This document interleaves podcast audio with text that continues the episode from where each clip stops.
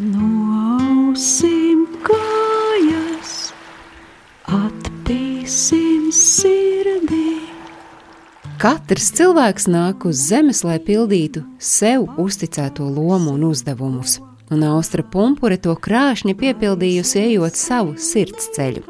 Viņai dotie uzdevumi viegli risinājušies cits pēc cita, Nemitīgi uzdodot sev nerimtīgo jautājumu, kā to dzīvi vajag dzīvot, viņa ar interesi un aizrautību piepildījusi savu būšanu pasaulē, smeļot pasauli pilnām saujām un dodot pasaulē atpakaļ divu tik daudz. Viņa deva sevi dziesmai, līdzcilvēkiem, publikai, un nevēl tik līst kāds nostāsts, savdabīga leģenda par Austrijas pumpuras muzikālo maģiju. Reiz kāds vīrs bija nolēmis darīt sev galu pakaroties un jau visā nopietnībā meklējis striķi. Paziņa viņu atrunājis un ieteicis vispirms aiziet uz Austrijas pumpuras koncertu. Vīrs aizgājis un jūties ļoti aizkustināts. Dzirdētais viņu tā saviļņojis, ka nolēmis dzīvot tālāk. Austra Punkūra piedzima 1928. gadā, 26. novembrī Rucavas pusē. Mīlestību uz mūziku Austra mantojusi no vecākiem, vecvecākiem un visiem tiem cilvēkiem, kuri jaunībā bijuši viņai līdzās. Austras tētis Miķelis Punkūrs bija pūtēju orķestra diriģents, bet vecais tēvs Toms Grauduže, koklētājs, pie kura bieži pulcējušies apkārtnes iedzīvotāji. Dziesminiece mēdza teikt, ka viņas rados dziedājuši visi. Pati Austrija jau kopš mazotnes spēlējusi akordeonu un dūšīgi dziedājusi. Pabeidzot pamatskolu, Austrija iestājās Liepājas mūzikas skolas vokālajā klasē, bet, kad bija nomācījusies pāris gadu, viņai draudzīgi ieteikts mainīt klasi, jo nekāda opera dziedātāja no viņas nesanākšot. Austra pārgāja uz ģitāru spēles klasi, kā arī iestājās kordiriģentu klasē. Pēc skolas pabeigšanas Austrē piedāvāja darbu Liepājas teātrī, kas tobrīd meklēja ģitāristu un izrāžu muzikālo noformētāju.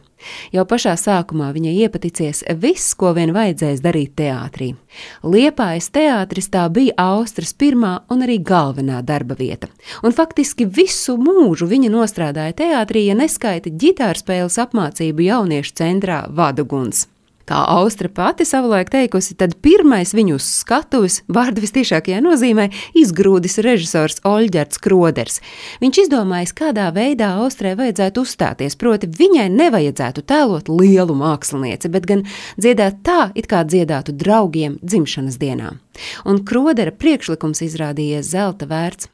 Austra pumpure to lika aiz auss un savos koncertos radīja īpašu gaisotni, un viņas uzstāšanās tā tiešām bija dziedāšana savējiem, nu gluži kā draugiem dzimšanas dienā.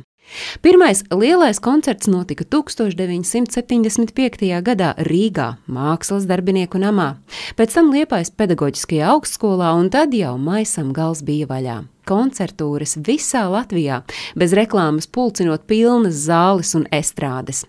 Austra ļoti mīlējusi arī latviešu tautas dziesmas, un nevelti viņa koncertos mēdza citēt Romas pāvesta sūtni, kurš viesojoties Liepājā un klausoties mūsu tautas dziesmas, esot teicis, ka mums pašiem ir sava dziesmu bībele.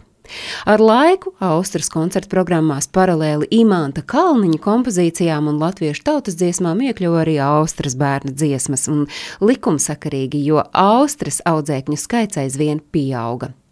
Austru mēdz dēvēt par dziesminieku tradīcijas aizsācēju un popularizētāju Latvijā, jo patiesi viņa pirmā uzdrošinājās dziedāt atklātai publikai tā, kā dzied tautā - dabiski, patiesi, vienkārši un emocionāli. Projām no debes, projām no zemes. 90. gados pēc kāda koncerta kāda kundze Austrai pasniegusi konjaka pudeli. Kad dziesminiece prasījusi, vai tam ir kāds iemesls, kāda jubileja, kundze atbildējusi: Jā, es 25. reizi noklausījos jūsu koncertu. Stāstīja Agnese Brunka.